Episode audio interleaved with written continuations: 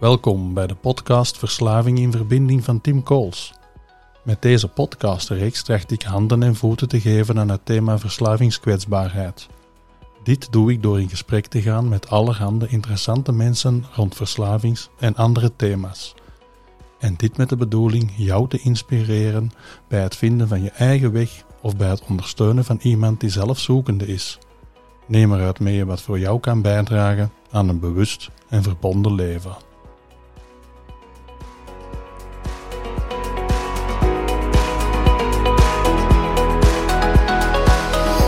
Goedemiddag, Magali en Tinne. Jullie zijn twee dames die de verslavingskoppel in de Kempen coördineren.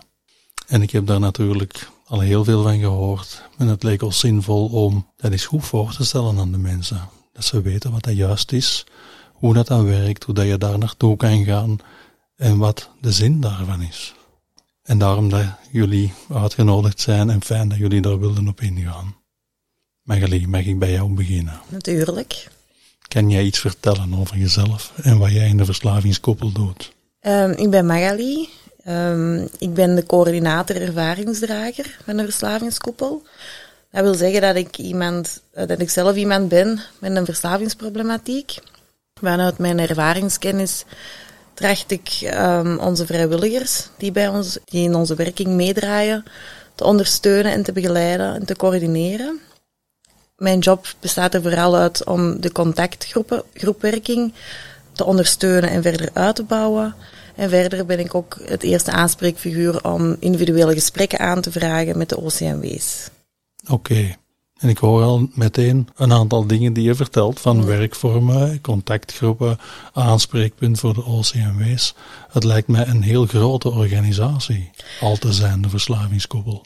Um, we zijn heel klein begonnen, maar ondertussen inderdaad kunnen we wel spreken van een echte organisatie op zich. En we zijn van plan om onze organisatie ook nog wel meer uit te breiden. Maar inderdaad, het klopt. We zijn mm. redelijk groot aan het worden. Ja, mooi. Tina, wie ben jij? En wat doe jij in de verslavingskoppel? Ja, ik ben Tinne en ik ben uh, de professionele coördinator van de ervaringsdragers binnen de verslavingskoppel. En ik ben te werk gesteld binnen, bij CAB de Kempen. Ja. Ik ben eigenlijk de duo-collega van Magali, want dat maakt onze werking toch wel heel uniek. Dat wij alles duaal coördineren vanuit die ervaringskennis en vanuit die professionele kennis eigenlijk. En mijn opdracht uh, bestaat er meer uit om al onze projecten die we lopen hebben, um, maar ook de verbinding met de professionele partners. Maar zoals Magali ook zegt, zijn wij een heel belangrijk aanspreekpunt voor partners, maar ook voor ons vrijwilligers. Um, maar daar zullen we nog wel wat meer over ja, vertellen. Zeker en vast. Hoe lang bestaat die verslavingskoppel ondertussen? Ondertussen, dat is eigenlijk gestart nu. Ik heb zelf niet mee aan de wieg gestaan, um, maar dat is gestart in 2012 met eigenlijk een kern van professionals en vrijwilligers die de handen in elkaar geslagen hebben om mensen met een verslaving te gaan helpen. En ondertussen zijn wij uitgegroeid tot een organisatie, tot een VZW, maar tot echt een netwerkorganisatie waar dat alle ervaringsdragers verslaving van het arrondissement Turnhout, die dat ook wensen om met een vrijwilligerscontract bij ons hè, in zee te gaan, die gesteund wordt door 28 partnerorganisaties eigenlijk. Uh, dus zover zijn wij gegroeid. Wat wil dat zeggen? Dat die, al die partner, partnerorganisaties die ons steunen, die kunnen dus ook beroep doen op onze werkingen. Een aantal partners bijvoorbeeld zijn de vier ziekenhuizen van de Kempen, waar dat we een aanbod hebben um, aan het bed van de patiënt, letterlijk, dat uh, ervaringsdragers kunnen Letterlijk komen. aan het bed? Ja, klopt. Oké. Ja. Dus dat wil eigenlijk zeggen dat een uh, ervaringsdrager, dus een vrijwilliger met een verslavingsproblematiek, letterlijk aan het bed van een patiënt kan komen waar dat verslaving niet per se altijd een hoofddiagnose is op dat moment in het ziekenhuis, maar op dat moment daar een gesprek, een, een, verhaal, een verhaal van hoop, herstel kan doen ja. en de mensen kan gidsen naar de hulp eigenlijk. Dus hoe ervaringsdragers effectief vanuit hun eigen ervaring mensen kunnen steunen, hun verhaal kunnen vertellen en moed toedragen van je kan iets met verslaving doen. Hoor ik jullie zeggen. Ja. Klopt. Want hoe kunnen die mensen, die ervaringsdragers, tot aan dat bed geraken? Ja, dat is uh, op doorverwijzing uiteraard. Hè. Dus dat is per ziekenhuis ook wel wat verschillend, of per partner. Hè, want ik zeg, de ziekenhuizen zijn een van de partners, maar de OCMW's, de CAW's, het kader, welzijnszorgcampen. Hè, dus het, het kader is een residentieel centrum in Geel. Ja, klopt. Dat is inderdaad ook um, zo net geopend, maar die werken ook met ons samen om bijvoorbeeld een, een aanbod van getuigenissen te gaan doen in de groepen daar en om eigenlijk uh, het zelfhulplandschap toe te lichten en de hulp. Hè, om een herstelverhaal daar te doen en ook de mensen echt wel te gidsen naar die hulp. Ja. Hoeveel ervaringsdragers werken er bij jullie? In totaliteit zitten wij aan een vijftigtal, hè, maar dat um, zijn ervaringsdragers met verschillende rollen. Hè. Sommigen doen die contactgroepwerking, waar Magali al kort iets over gezegd heeft. Sommigen gaan naar de ziekenhuizen, sommigen doen de beide. Hè. Het is een beetje heel wisselend, heel verschillend. Klinkt als een heel andere manier van werken voor mij dan de klassieke verslavingshulpverlening. Het lijkt een totaal nieuw concept te zijn dat jullie vertegenwoordigen en dat is intrigerend, vind ik. Ja.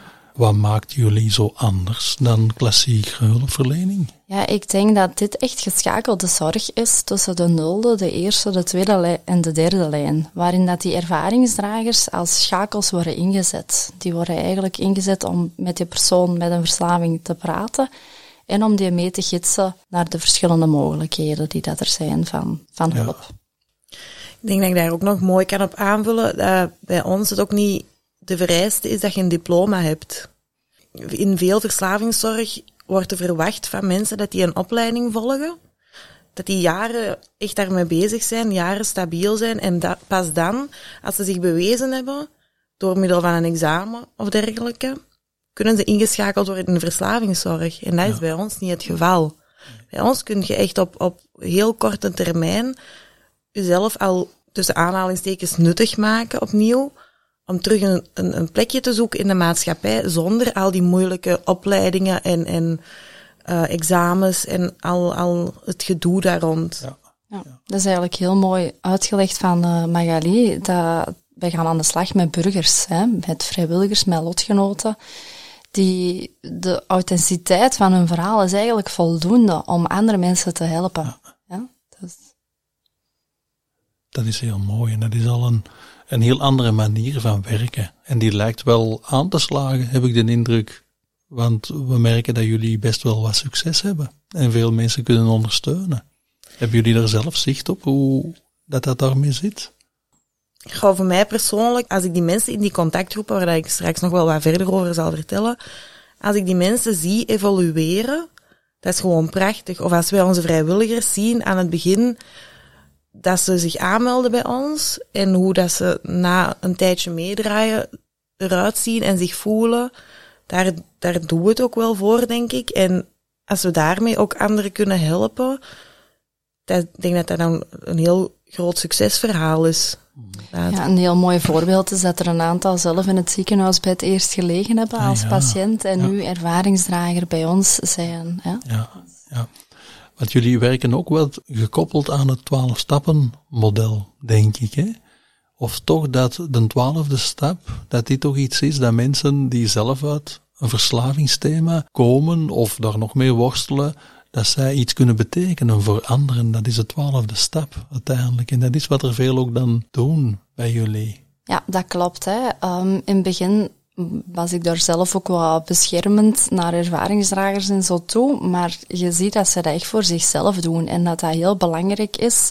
Ze doen het uiteraard ook voor die mensen, hè, want dat is het grootste succes als ze zien dat die nadien ook bij de hulp geraken of ze zien die terugkomen in het zelfhulplandschap, dat het goed met hen gaat. Maar het is een belangrijke spiegel voor zichzelf ook. Um, van terug iemand te zien met een verslaving, van ik zie mezelf terug. Ik wil dat niet terug meemaken. Um, en dat dat toch wel heel helend voor jezelf is om, om anderen te helpen. Ja, je spreekt een belangrijk woord uit. Zelfhulplandschap. Er zijn nog wel organisaties die al lang bestaan. AA, NA, SOS Nuchterheid, Toxan, nee, er zijn er verschillende. Wat maakt jullie zo anders dan? Ja, Um, eerst en vooral is het wel ook belangrijk om, um, ik wil zeker niet vanuit concurrentie, maar vanuit gelijkwaardigheid spreken. Ja, samenwerking. Uh, voilà, dat is een hele belangrijke. Samenwerken, netwerken met elkaar. We hebben heel veel van ons vrijwilligers die ook vanuit SOS Nuchterheid komen, van NA, van AA, um, die ook bij ons nu werken als vrijwilliger. Maar het belangrijkste is voor wat voor die cliënt werkt, dat daar mensen naartoe kunnen. Hè. Dus wij vinden het ook heel belangrijk om gewoon gelijkwaardig naast de andere zelfhulpgroepen eigenlijk te staan. Ja. Ik denk hetgeen dat ons wat anders maakt tegenover de andere zelfhulpgroepen is um, het feit dat wij alle betrokkenen bij de problematiek samenbrengen aan tafel. In andere zelfhulpgroepen wordt er een onderscheid gemaakt tussen de persoon die zelf een verslaving heeft, zijn context, en dan in ons geval nog de professionele. Dus bij AA bijvoorbeeld heb je een aparte groep voor de persoon met, een, met de problematiek en een aparte groep voor de context. Bij ons, wij brengen die... En context zijn dan familie, vrienden, ja, of klopt. een kind ja. of ja. Um, maar bij ons aan tafel is eigenlijk iedereen welkom die met die problematiek te maken heeft. Dat wil zeggen, iemand die zelf een verslaving heeft, die mag naar onze contactgroepen komen. Maar even goed mag zijn of haar context maar ook professionele aansluiten aan de tafel. Dus echt iedereen die dat daarmee te maken heeft. Er wordt geen onderscheid gemaakt. Wat nog een ander, uh, nog een verschilpunt is, is dat wij ook geen onderscheid maken in product- of gedragsverslavingen. En wat dan nog een ander een, een verschilpunt is, is dat bij ons ook wel alles duaal gebeurt met de professionele. Dus in andere zelfhulpgroepen is het echt puur zelfhulp. Maar bij ons kan er heel snel geschakeld worden tussen die zelfhulp en de professionele hulp. Ja. Omwille van het feit dat er gecoördineerd wordt door mij en mijn collega Tina. Ja. Dus eigenlijk is iedereen rond het thema verslaving welkom, met welke verslaving dan ook. zo hoor ik u dat dat klopt. vertellen ja. Magali. Dus dan ga ik niet over in een AA bijvoorbeeld enkel alcohol. Maar jullie, bij jullie kan ook een seksverslaving bijvoorbeeld, of cocaïne, of kopen, alle verslavingen. Dat klopt, maar het belangrijkste blijft dat de persoon zich daar goed voelt hè, en verbinding voelt met de groep en met de andere lotgenoten. En de ene groep is anders dan de andere groep natuurlijk. Hè. Ja. Want we hadden het al over het project van in de ziekenhuizen aan het bed staan. Misschien moeten we daar nog even over verder gaan. Om dan zometeen naar de contactgroepen te gaan, waar jij dan ook aan het vertellen was, alle stukje, ja. eh, Magali. Heel goed. In, aan het bed komen staan in het ziekenhuis. Ja, hoe verloopt dat dan, die procedure? Ja, dat is inderdaad per ziekenhuis um, verschillend. In de paas in Turnhout bijvoorbeeld zal de psychiaters, verpleegkundige en de psychiater voornamelijk uh, doorverwijzen, terwijl dat er in een, een, ziekenhuis van Geel, Mol, Herentals voornamelijk vanuit de sociale dienst of vanuit psychologen wordt uh, doorverwezen eigenlijk. Hoe gebeurt dat praktisch? Als ze iemand hebben, al dan niet met een hoofddiagnose hè, rond, rond verslaving, dat is verschillend als die persoon openstaat voor een gesprek met een ervaringsdrager. Soms, dat wordt altijd gevraagd dan. Dat wordt dan inderdaad gevraagd. Dan wordt er eigenlijk een oproep gelanceerd en dan krijg ik een aantal objectieve criteria door, zoals de leeftijd, uh, geslacht, welk product, soms ook een woonplaats of zo dat erbij komt en, en de datum van ontslag. Hè. Niet onbelangrijk, want mensen in een ziekenhuis is vaak een zeer korte opname uiteraard. En dan ga je kijken wie past daarbij. Wie matcht daarbij? Hè? We gaan sowieso vaak qua, qua product en qua leeftijd een beetje op zoek naar iemand dat daarbij past of iemand dat de hulp in een bepaalde regio heel goed kent. En dan gaan we die persoon aan dat bed eigenlijk sturen. Dan laten wij in dat oproepsysteem weten wanneer die ervaringsdrager kan langskomen. Ja. En dan, als er geen reactie komt, is dat in orde. Als er wel reactie komt, niet. Natuurlijk, achter de schermen komt daar ook heel wat bij kijken. Hè, want um, de verpleging moet ingelicht worden, dat er een ervaringsdrager komt, er moet een lokaal voorzien worden. Kan ik me voorstellen. Een parkingticket, ja. Hè, uh, een QR-code in tijden van corona, uh, mondmaskers en dit en dat, dat komt er ook allemaal wel, uh, wel bij kijken. Um, dan vindt het bezoek plaats. Hè. We hebben dan één gesprek in het ziekenhuis en eventueel na het ziekenhuis kan er ook nog een gesprek als dat nodig is, om in een veilige omgeving dan bij een van onze partners, dus bij een CAW of een betrokken OCMW, waarvan dat het lokaal bestuur ons steunt, hè, kunnen we daar ook beroep doen op de locaties daar. En dan is het eigenlijk wel de bedoeling dat ze kunnen toeleiden naar, naar de professionele of naar het zelfhulplandschap eigenlijk. Ja.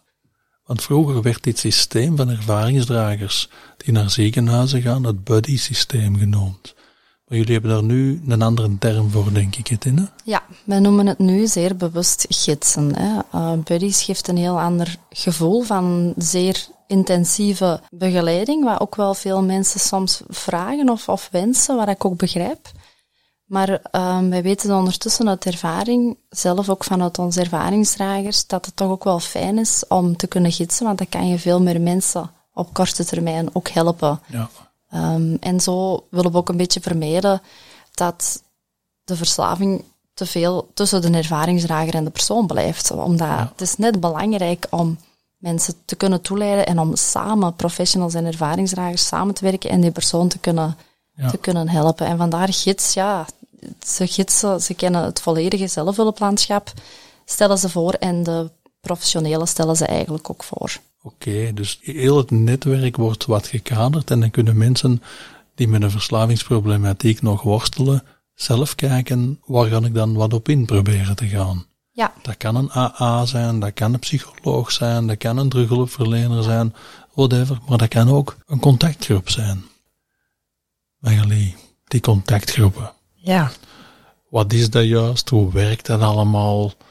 Um, die contactgroepen die zijn wel een, alleen een beetje te vergelijken met die AA-groepen en, die, en die NA-groepen. Het zijn dus wel meetings ook, um, vergaderingen, waar dat die drie doelgroepen, waar dat ik het er straks over had, dus de persoon met een verslaving, um, zijn of haar context en professionele aan tafel mogen gaan zitten, om eigenlijk te vergaderen rond het thema verslaving. In zo'n um, contactgroep wordt de Picasso-methode gebruikt. Pica Picasso. Picasso, ja. ja. Dat is een vergadermethode die wordt gebruikt om moeilijk bespreekbare thema's toch bespreekbaar te maken. Die methode die maakt dat de setting waarin de vergadering plaatsvindt, dat die heel veilig is. Dat die, dat die groep heel vertrouwd is. Dat er vooral veel privacy is. En dat er vooral wordt geluisterd naar elkaar. Um, de manier van werken in zo'n contactgroep kun je eigenlijk vergelijken een beetje met een praatstoksysteem. Dus degene die aan het woord is, die is aan het woord en de rest luistert gewoon. Het is heel belangrijk dat we geen feedback gaan geven op elkaar. Wat maakt dat als iemand nog een beetje struggelt, zoekende is, daar ook de ruimte en de mogelijkheid en de veiligheid voor heeft om dat aan te geven aan de groep. Ja. Dus dat iemand verplicht wordt om te spreken, dat er ook geen advies moet gegeven worden en dat we luisteren naar elkaar en ons ja, gedragen voelen in een groep. Ja, klopt. Rond een complex thema, daar gaat het echt over. Hè? Ja, klopt. En we merken dat dat ook wel echt werkt. Dat mensen die op voorhand zeggen van, ik ben geen, geen, geen fan van groepen of geen prater, die dat uiteindelijk, vanaf dat ze daarin zitten, toch die veiligheid voelen en toch ineens hun verhaal vertellen. Dat merken we dikwijls, hè? Ja. Dat, dat, mensen dikwijls weerstand hebben op voorhand. Ik ben geen prater in een groep en mensen moeten dat van mij niet weten. Dus het is mooi hoe jullie veiligheid creëren ja. om, om mensen het gevoel te geven, hè, wat er ook dan echt is, van het is oké. Okay. Zo, uh, we kennen allemaal het thema. Klopt. Want Picasso is een raar woord dat mensen zeker nog nooit gehoord hebben, denk ik. Ja, voor elke letter staat natuurlijk een woord. Dus de P die staat voor privacy. De I staat voor de ik-vorm. Dus we praten altijd vanuit de ik-vorm. De K staat voor keuze. Je hebt steeds de keuze wat je vertelt. Of misschien wil je helemaal niks vertellen en luistert gewoon liever.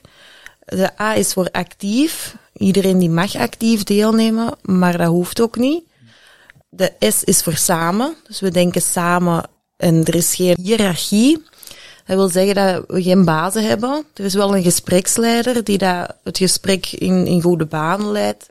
Maar die uh, wisselt ook elke week van, van persoon. Iemand die die regels waarmee bewaakt, veronderstel ja, klopt, ja, klopt. Dan de O staat voor de open houding. En dan de L is voor luisteren. Dat luisteren belangrijk is. Ja. En dat we geen feedback gaan geven. En waar kan ik zo'n contactgroep vinden? Ik verwijs daarvoor ook heel graag naar onze website, dus www.verslavingskoppel.be. Daar vind je een heel mooi overzicht van alle contactgroepen die dat per dag uh, en per gemeente ergens worden gehouden. Um, door de week is het meestal s'avonds van, van 7 tot 9. Uh, duurt twee uur zo'n vergadering. Is ook opgesplitst in twee delen. Ben ik er juist nog vergeten te zeggen. Uh, in het eerste deel krijg je eigenlijk de kans om, om je afgelopen week te vertellen, even je hart te luchten. En dan in het tweede deel gaan we aan de slag met themavragen. Of persoonlijke vragen die dat je eens wil beantwoord hebben door andere mensen die uh, kennis hebben van je problematiek. Maar om dus echt uh, bij zo'n contactgroep, contactgroep terecht te komen, dan verwijs ik echt wel naar de website. Ja. Want we zijn ondertussen al, denk ik, met 16 of 17 gemeentes. Dat wou ik net vragen. Ja. Hoeveel? Dus 16 of 17 contactgroepen in aparte gemeentes? Ja, klopt. Amai. Verspreid over de Kempen. En ja. er zijn nog gemeentes die vragend partij zijn om um, contactgroepen op te richten.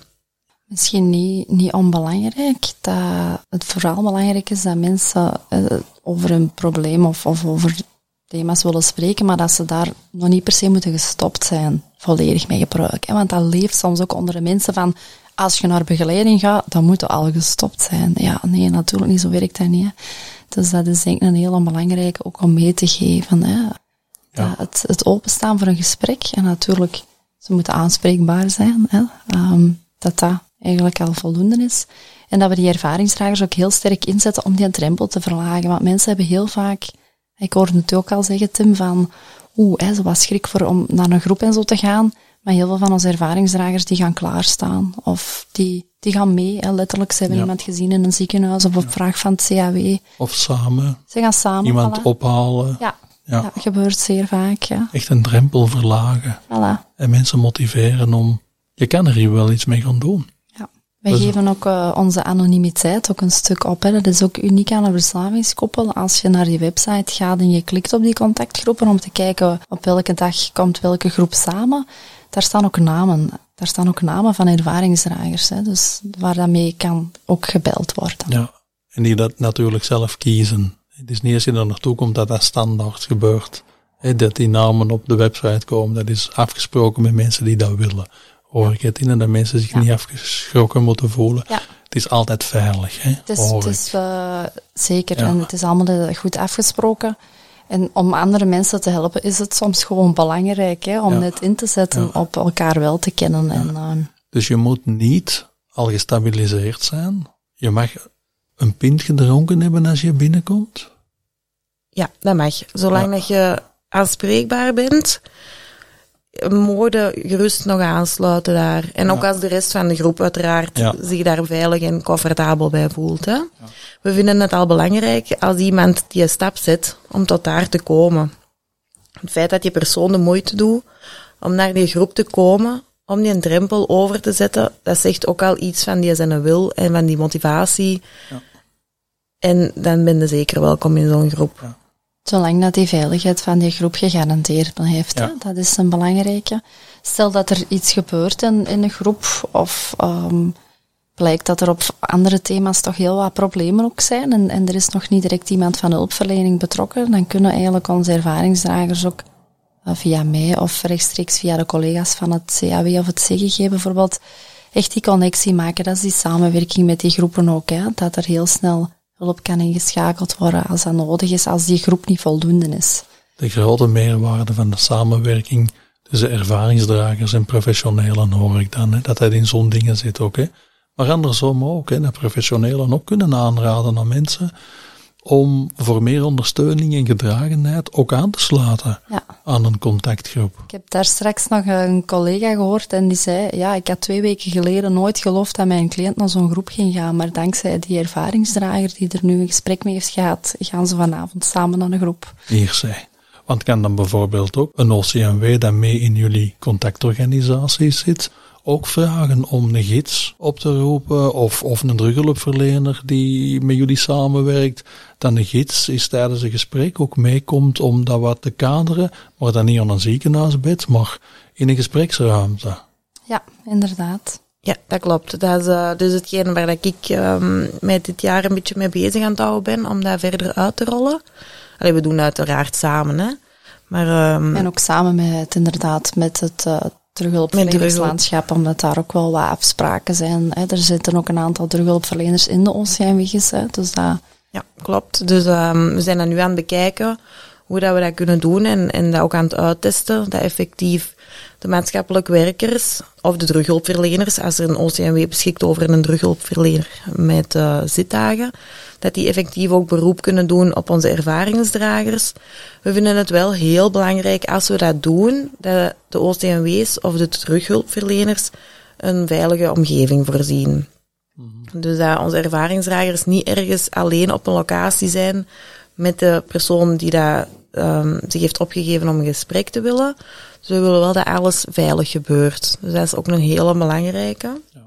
Ja, dus niet zomaar inderdaad bijvoorbeeld bij mensen thuis aan huis. Ja. Uh, dat kan wel uitzonderlijk als het samen is met een hulpverlener. Hè. Dus dat maakt ons uniek van we doen die duale coördinatie. Maar voor de rest is het ook altijd in een samenwerking met professionelen of nooit een ervaringsdrager alleen. Ook niet als we naar scholen gaan. Nooit een ervaringsdrager alleen sturen als het iemand van ons is. Hè. Want dat doen jullie ook. Naar scholen gaan om daar voorlichting te geven ja, dat klopt. Wij doen dat dan uiteraard samen met de collega's um, van het CGG en van Terughulp. Um. Ja, zoveel dingen dat jullie doen. Het is ook wel heel belangrijk, nu dat ik het CGG ook hoor uh, vernoemen, is het ook wel belangrijk dat wij onze vrijwilligers ook voorzien van intervisies.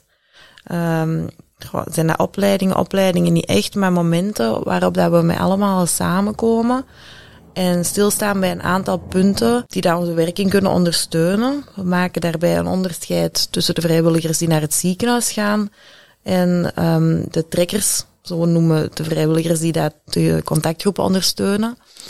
Um, de intervisies van de ziekenhuizen die worden ondersteund door het CAW en de intervisies van de trekkers door het CGG. Dus dat we ook daar met professionals echt wel rond eventuele problemen kunnen werken. Ja, want intervisie als, ik kom als ervaringsdrager, als gids, als betrokkenen of trekker in een contactgroep, kom ik ook wel dingen tegen die voor mij soms zwaar zijn. En daar ben je aan het uitleggen, hè? daar moet ook voor gezorgd worden. En daar hebben we aandacht voor en dat kan ook besproken worden in zo'n intervisiegroep. Ja, dat klopt. En dan hoor ik u bijna ook zo uitleggen en waar reclame maken voor eventueel mensen die zelf geïnteresseerd zijn om ervaringsdrager te worden. Ja, ja, dat, er, dat er een goede zorg voor is, dat jullie die goed soigneren. En vandaar dat, dat het ook belangrijk is dat we gidsen zijn en niet zomaar buddies langdurige trajecten aanbieden, omdat we het op die manier ook wel voor onszelf wel wat duidelijk kunnen maken. Wat houdt het in? Wat heeft zijn grenzen? Wat heeft zijn valkuilen? Met die nodige zorg inderdaad naar de mensen. Ja. Um, ja, met de nodige zorg met hen ook omgaan. Met hun eigen herstel nog altijd. Hè. Dus mensen mogen zich aanmelden, zowel als ervaringsdrager, om bij te dragen in jullie organisatie, als ik ben op zoek naar een gedragen vorm om aan herstel te beginnen werken. dus iedereen kan er eigenlijk ja, ja, baat bij hebben. Hè? Ja. Ja, want om, om het nu bijvoorbeeld nog even naar mezelf te weerspiegelen, hoe dat, dat voor mij allemaal begonnen is. Ik zit hier nu als coördinator van ervaringsdragers. Maar ik ben zelf nog geen twee jaar clean. Ja. En echt allemaal, ik, ik heb echt dankzij de verslavingskoppel mijn plekje teruggevonden in de samenleving. Ik was ook eerst wantrouwig tegenover groepen. En ik had ook zoiets van, oké, nee, ik ga daar echt niet samen zitten met mensen die rond hun miserie tijd zitten te praten. Ik heb dat dan uiteindelijk, dankzij mijn drughulpverlener, toch een kans gegeven. Twee maand of een maand nadat ik um, uit een collocatie kwam. En ik kwam eigenlijk terecht in een groep waar dat helemaal niet rond miserie heel een tijd werd gebabbeld. Daar weer ook wel echt gelachen en, en ja, dat was echt even thuiskomen. Ja. En zo ben ik verder gegroeid. Uiteindelijk dan met Tinnen in contact gekomen. En ik dacht, oei. Vier maand. Vier maanden. Ja. Nog maar een aantal maanden clean kunnen we daarmee aan de slag gaan vanuit die professionele bril. Hè. Denken van, gaat ons dat lukken? Hè? Maar we zijn dat pad samen aangegaan en dat is gelukt. En ik kon echt heel goed steunen. En nu zitten jullie hier samen. Maar ook dankzij die goede zorgen natuurlijk, door zowel het zelf, de zelfhulpgroep, waar ik ben terechtgekomen, door de trekkers en ervaringsdragers, en door de professionelen en tinnen die mij hebben ondersteund. En nu mag ik zelf de mensen ondersteunen, dus dat is even reclame maken voor te, voor te zeggen van, come on, dat is echt wel een mooi initiatief. Van dit werkt echt ja, zo. Ja. We hadden het daar net zo dan over ervaringsdragers die kunnen bijdragen, mensen die zelf worstelen, die er naartoe kunnen komen. Hè? Maar we hadden het ook over context, over professionals die ook kunnen aansluiten, wat helemaal anders is dan in veel andere organisaties. Dus als ik nu een mama of een papa of een kind of, of een vriend of weet ik wat ben, en ik zou ook eens willen aansluiten aan zo'n contactgroep. Of ik ben een terughulpverlener en ik wil ook eens horen hoe dat, dat gaat. Dan kan ik er ook naartoe gaan. Natuurlijk, ja, iedereen is echt welkom. Je mag daar echt vrij aan aansluiten. Er is ook totaal geen eisen of voorwaarden of verwachtingen. Het is bij ons ook niet dat je een, een traject aangaat of zo. Het is, het is echt vrij binnenwandelen. Ja. Um, en dat kan voor ene keer eens, of af en toe, wanneer ja, het eruit komt. Je kunt eens naar die gemeente gaan, je kunt eens naar daar gaan. Dus als ik nu morgen zou willen gaan, stel nu, ik ben een luisteraar en ik ben geïnspireerd door jullie mm -hmm. concept. En ik ga kijken op de website www.verslavingskoepel.be en ik klik aan contactgroepen. Dan zie ik een reeks gemeenten waarin op bepaalde momenten die groepen doorgaan. Ik kan dan bellen met iemand dat daar hè, op staat om te horen hoe werkt dat. Of ik kan gewoon naar die locatie gaan. Ja, dat klopt. En hoe gaat dat dan? Want ik zou dan wel wat bang zijn. Ik kom er binnen. Of ik sta voor die deur te twijfelen. Ga ik nu binnen of niet? Hoe gaat dat dan verder, Magali? Um, ja, dat is het dingen waarvoor dat we dus eigenlijk de trekkers inschakelen. Als ik um, bijvoorbeeld in de groep uh, in Herentals, waar ik trekker ben, en ik krijg een oproep, maar dat is even goed in andere groepen ook. Als wij een oproep krijgen, heel vaak geven wij de mogelijkheid om even voor de vergadering start naar buiten te gaan, buiten eventjes af te spreken en dan samen binnen te gaan. Te zeggen van kom, je moet dat niet alleen doen, ga maar samen met mij binnen. Maar als je daar staat en je hebt drempelvrees, dan het beste wat je kunt doen is dan bellen naar de trekker en dan vragen. Gewoon vragen van, wil je even mij komen opha ophalen buiten, zodat ik niet alleen binnen moet. En uiteindelijk, dat loopt echt wel los. Je zit uiteindelijk daar allemaal met mijnzelfde probleem, mijnzelfde missie, denk ik. Ja, gewoon doen. Ja, want zien jullie veel mensen van de context ook? Toch wel zo. We bereiken toch wel redelijk veel context. We hebben ook een paar contextwerkers.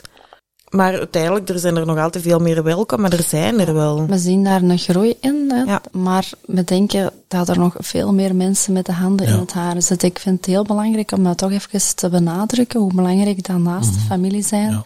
dat die ook zeker welkom zijn.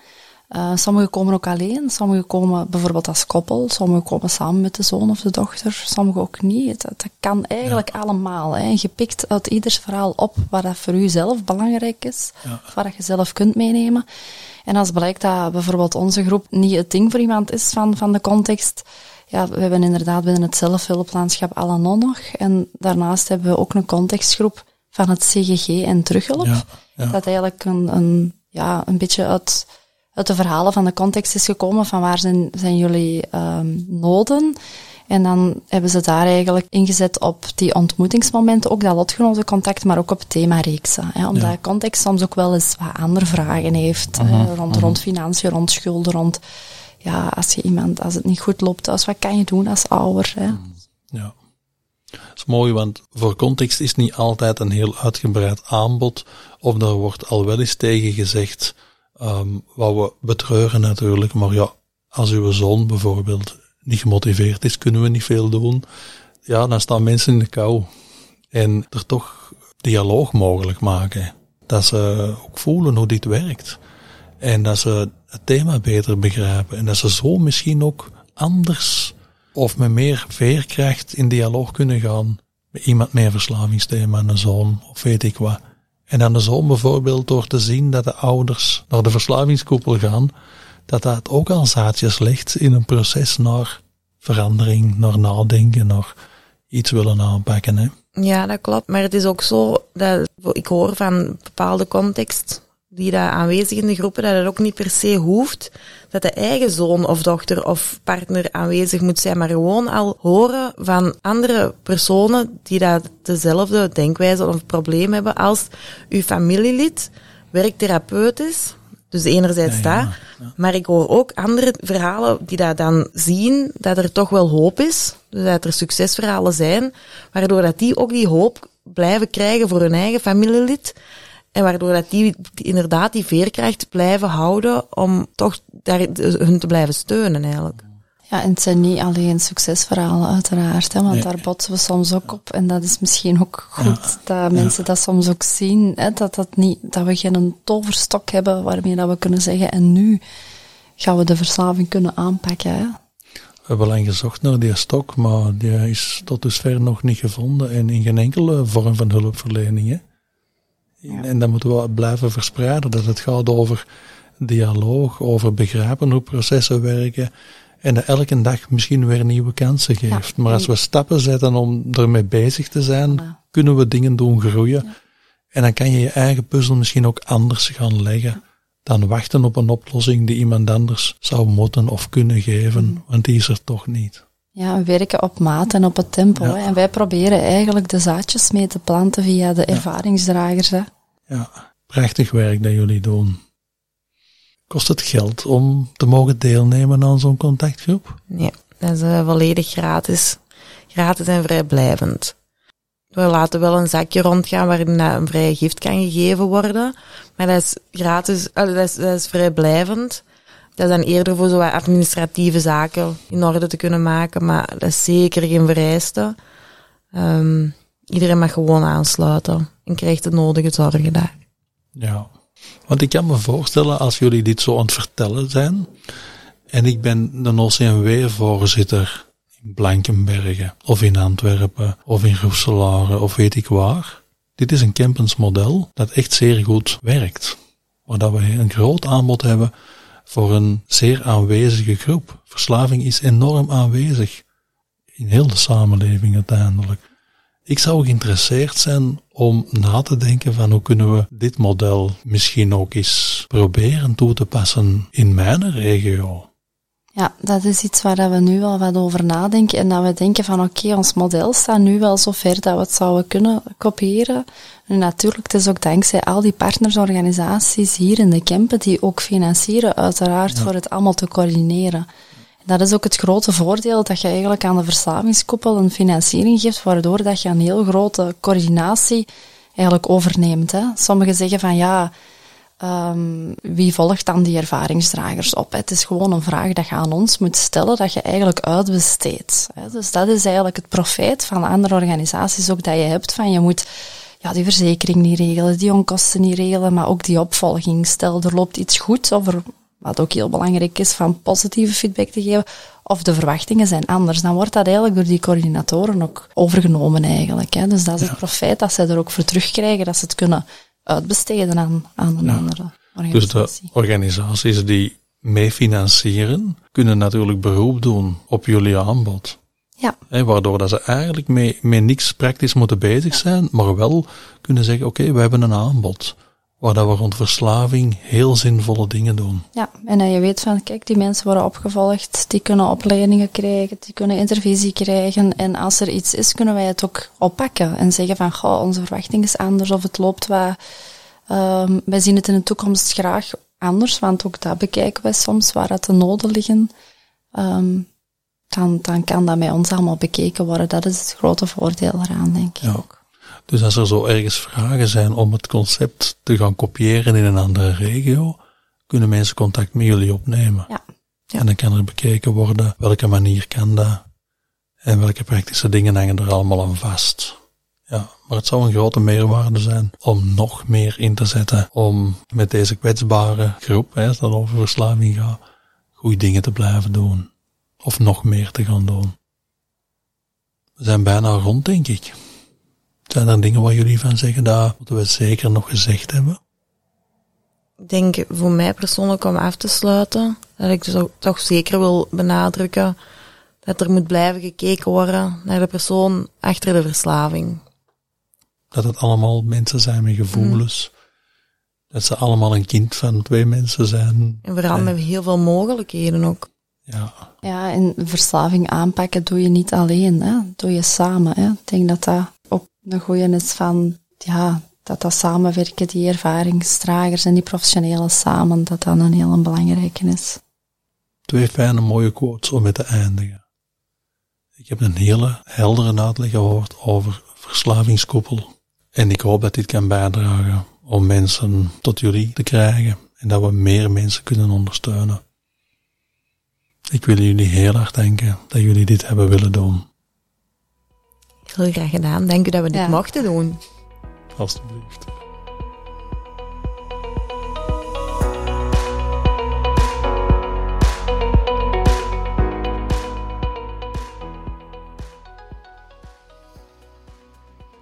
Ik heb vooral gehoord dat de verslavingskoepel in de Kempen baanbrekend werk doet voor en met mensen die te maken hebben met verslaving.